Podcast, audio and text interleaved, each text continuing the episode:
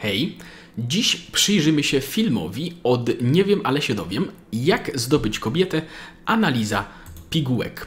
Chodzi oczywiście o pigułki ideowe, tak? czyli red pill, blue pill itd., tak itd. Tak Bo wydaje mi się, że ten film w miarę przystępnie i cywilizowanie przedstawia on światopogląd, ten red pillowy ogólnie, a ten, jeśli kojarzycie moje poglądy w tym temacie, to wymaga komentarza. Także oczywiście puścimy sobie tutaj tylko fragmenty tego odcinka i zaznaczam oczywiście, że będziemy je też puszczać w 1.25 prędkości. Także zaczynamy. Blue Pill jest zazwyczaj pierwotnym systemem wierzeń danej osoby. To jest tym, na którym zostałeś wychowany. Źródło kształtowania ludzi na taką postawę bierze się z wychowania przez matkę, media, na przykład filmy disneyowskie, że ubogi lub zwykły mężczyzna, dzięki temu jakim jest dobrym człowiekiem, zdobywa serce księżniczki lub przez porady dotyczące kobiet, co robić. Popularność niebieskiej wynika z kilku kwestii. Okej, okay, po pierwsze, na pewno większość ludzi domyślnie jest tak wychowywana, że wystarczy być dobrym i grzecznym, żeby, nie wiem, zdobyć rękę kobiety i tak dalej. W sensie, nie wiem, i bajki Disneya też naprawdę coś takiego prezentują, bo nie, o ile dobrze kojarzę, to w bajkach jakichkolwiek, jeżeli książę zdobywa księżniczkę, to po drodze jest gdzieś jakiś smok, albo straszna czarownica, albo coś takiego. Jakaś straszna trudność do pokonania. Nie kojarzę, szczerze mówiąc, bajek, w których ktoś zdobywa rękę księżniczki byciem miłym nie wiem, może są jakieś, może da się jakieś znaleźć, ale ja przynajmniej nie kojarzę. Także mam bardzo mocne, mocny sceptycyzm tutaj na początku co do powszechności tego typu, tego typu podejścia, ale idźmy dalej. Po pierwsze, wydaje się moralne wychowywanie dzieci w wierze, że bycie grzecznym i dobrym jest skuteczne. Nie może matka powiedzieć dorastającemu synowi, że jeśli chce zaimponować Martynie, to musi zdominować innych mężczyzn i także nią samą. Nawiązuje teraz do czerwonej pigułki. Okej, okay, no w sumie pewnie macie rację, że matka nie może tak powiedzieć synowi, no bo też zastanówmy się, ciekawe jakby się zachowywał nastoletni mężczyzna nabuzowany hormonami, dorastając, będąc wychowywanym w przekonaniu, że aby zdobyć koleżankę, musisz ją zdominować. Cieka ciekawe, jakby się taka osoba mogła zachowywać. Fundamentem niebieskiej pigułki jest to, że największymi wartościami są osobowość i traktowanie drugiej osoby. Prawdopodobnie zetknąłeś się już z taką postawą. Liczy się wnętrze, musisz być miły. Kobiety lubią dobrych i grzecznych mężczyzn. Bądź po prostu sobą. Traktuj kobietę jak księżniczkę, musisz o nią zabiegać. Oczywiście niebieska pigułka powoduje, że mężczyźni mogą brać to za bardzo do serca i być zbyt miłymi i natarczywymi, myśląc, że w taki sposób przygniatając kobietę byciem dobrym zdobędą ją. Coś, co niebieska pigułka neguje, to wartości zewnętrzne człowieka. Mogłeś kiedyś usłyszeć, że wygląd człowieka nie ma znaczenia i liczy się to, jakim człowiekiem jesteś. To właśnie Blue Pill w najczystszej postaci. Okej, okay. bez wątpienia istnieją osoby, które potrafią przejawiać Y, podniesiony do ekstremum tego typu pogląd, prawda? W sensie, że mogą się, y, trafiają się takie przypadki, ale czy ktokolwiek powyżej 12 roku życia zupełnie jest na poważnie przekonany, że wygląd nie ma żadnego znaczenia? To znaczy, to wszystko jest przedstawiane przez środowisko redpilowe jako właśnie ten domyślny, powszechny, wszyscy, wyznawany przez wszystkich stan człowieka, z którego trzeba go wyrwać ale mi to, co tutaj zostało zaprezentowane, wygląda raczej jako na niezbyt wyrafinowany światopogląd dziecka, z którego normalnie ogromna większość ludzi wyrasta, będąc nastolatkiem. Ja nie wiem, ja, ja osobiście 20 lat temu miałem już dość dawno, więc może nie wiem, może w tym momencie wygląda to trochę inaczej, może na zachodzie, może u nas gdzie niegdzie tak samo. Rzeczywiście młodzi ludzie powszechnie myślą jak dzieci i trzeba ich z tego wyrywać, ale, ale nie jestem do, to, do, tego, do tego w pełni przekonany, zwłaszcza, nie wiem, na przykład młodzi mężczyźni w Polsce, z tego co kojarzę, w dość dużej części głosują na przykład na konfederację, tak? I jestem prawie pewien, że młodzi faceci z takim mindsetem konfederacyjnym nie mają takiej wizji świata, że wystarczy być grzecznym, ułożonym i spełniać wszystkie zachcianki kobiet, to wtedy dostaniesz do czego chcesz. Znaczy, nie, nie, wiem, mam wrażenie, że cała ta perspektywa to jest jeden wielki chochoł, na tle którego kolejne pigułki mają wyglądać poważnie. Odnoszę takie wrażenie. Termin ewoluował, aby stać się synonimem terminów takich jak normik lub NPC. To ogólny termin używany do opisania ludzi z wcześniej przyjętymi poglądami i brakiem krytycznego myślenia. Osoba bez własnego zdania. I dla jasności, ten termin jest synonimem terminów takich jak normik lub NPC w tym środowisku i pod tym konkretnym kątem, tak? Znaczy bardziej ogólnie, normik to jest raczej osoba, która nie, nie, interesuje się światem poza swoim codziennym życiem, tak? To jest praca, Netflix, traktowanie na poważnie tego, co mówią lubiani przez nich politycy w telewizji i tak dalej, i tak dalej. Ja miałem taką mm, sytuację kiedyś, już z 5 lat temu, jak y, powiedziałem koledze, który był z 10 lat ode mnie starszy, tak? Wykształcony, inteligentny, poważny człowiek, I powiedziałem mu, że, no, że bądźmy, co, coś na zasadzie, no, że bądźmy poważni, bo wtedy 500 plus było wprowadzane. PiS wprowadza 500 plus, ale niezależnie od tego, jakie tam jeszcze są pobudki, jak to się reklamuje o tym, żeby zwiększyć dzietność, to ostatecznie jest to wprowadzane tylko i wyłącznie dlatego, że może to wygenerować dla nich poparcie y, wyborcze, tak? I że jest to dla nich użyteczne z perspektywy politycznej, że to jest takie podstawowe kryterium, no, że bez tego przecież by tego nie zrobili. I w odpowiedzi usłyszałem, że jestem strasznie cynicznym człowiekiem i nie wierzę w dobre intencje ludzi na szczycie że ja, jak ja mogę tak być, to, to są normiki, tak? Natomiast Red Pill y, rzutuje na to swoją wizję oczywiście, tak? Że, że to są ci ludzie, którzy nie znają tej prawdy o relacjach międzypłciowych i trzeba, a my jesteśmy tymi oświeconymi, którzy, którzy to poznali. Problemy Blue Pill. Tak jak widzisz, stanowisko niebieskiej pigułki jest bardzo utopijne. Wręcz wszyscy mężczyźni chcieliby, żeby tak wyglądał świat. Wtedy, kupując róże i będąc miłym, mógłbyś założyć rodzinę z modelką Victoria's Secret lub wysiłek w zdobyciu kobiety byłby ograniczony do mówienia miłych słówek i bycia posłusznym kobiecie. I podobnie, wiecie, być może to jest kwestia mojej bańki, nie wiem, ale o ile wyobrażam sobie, że mogą istnieć pojedynczy ludzie, którzy tak naprawdę myślą, to absolutnie, absolutnie nie jestem, nie kupuję tezy, że to jest powszechna, domyślna postawa, w której wszyscy wzrastają i z których trzeba ludzi wyrywać. Ale to jest, to jest tylko moja opinia. I teraz przeskakujemy dalej do samego Red Pilla. Red Pill. Red Pill jest odrzuceniem rzeczywistości, którą karmiona jest osoba i sprzeciw wobec Blue Pill. Zwykle ludzie wybudzeni od razu przechodzą właśnie do czerwonej pigułki, która oferuje proste i logiczne działania. Czyli to jest dokładnie to, co mówiłem o tym, jak oni postrzegają samych siebie. Fundamentem czerwonej pigułki jest to, że największymi wartościami jest pewność siebie, dominacja i aparycja osoby. Ogólnie rozwój osobisty, stawanie się coraz bardziej męską wersją siebie. Postawę taką można zamknąć w zdaniach. Wnętrze nie jest kluczowe. Musisz pracować nad atrybutami zewnętrznymi. Idź na siłownię, zadbaj o skórę, włosy, zęby, ubiór. Musisz częściej brać prysznic. Musisz nauczyć się być pewnym siebie. Musisz dominować. Musisz być asertywny.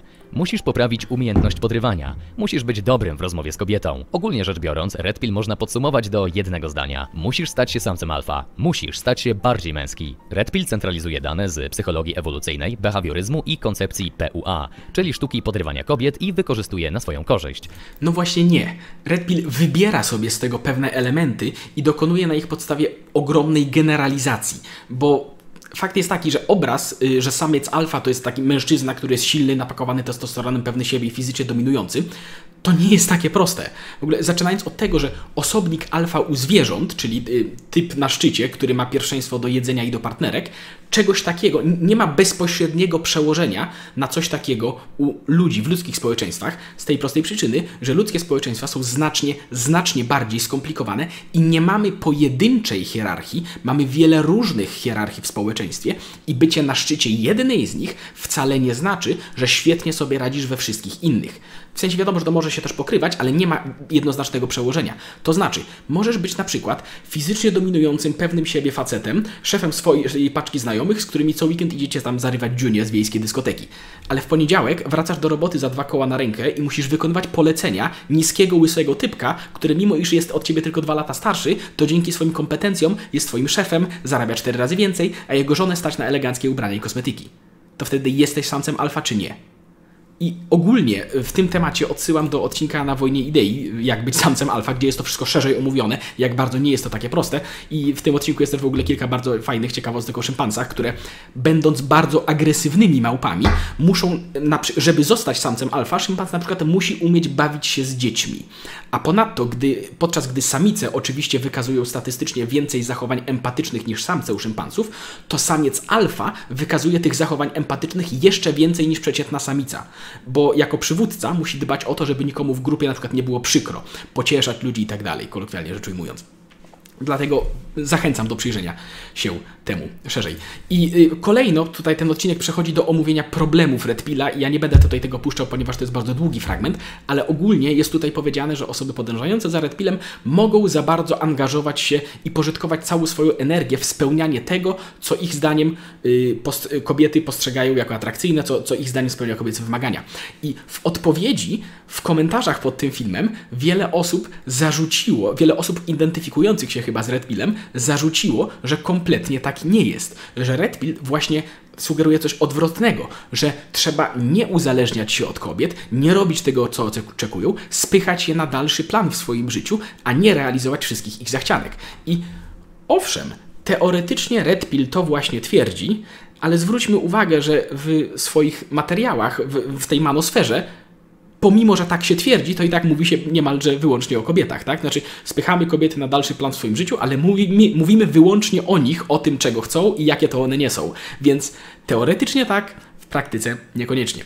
Kolejno, fioletową pigułkę, która jest po prostu niezdecydowanie między jedną a drugą, sobie podarujemy i przechodzimy do Black Pill.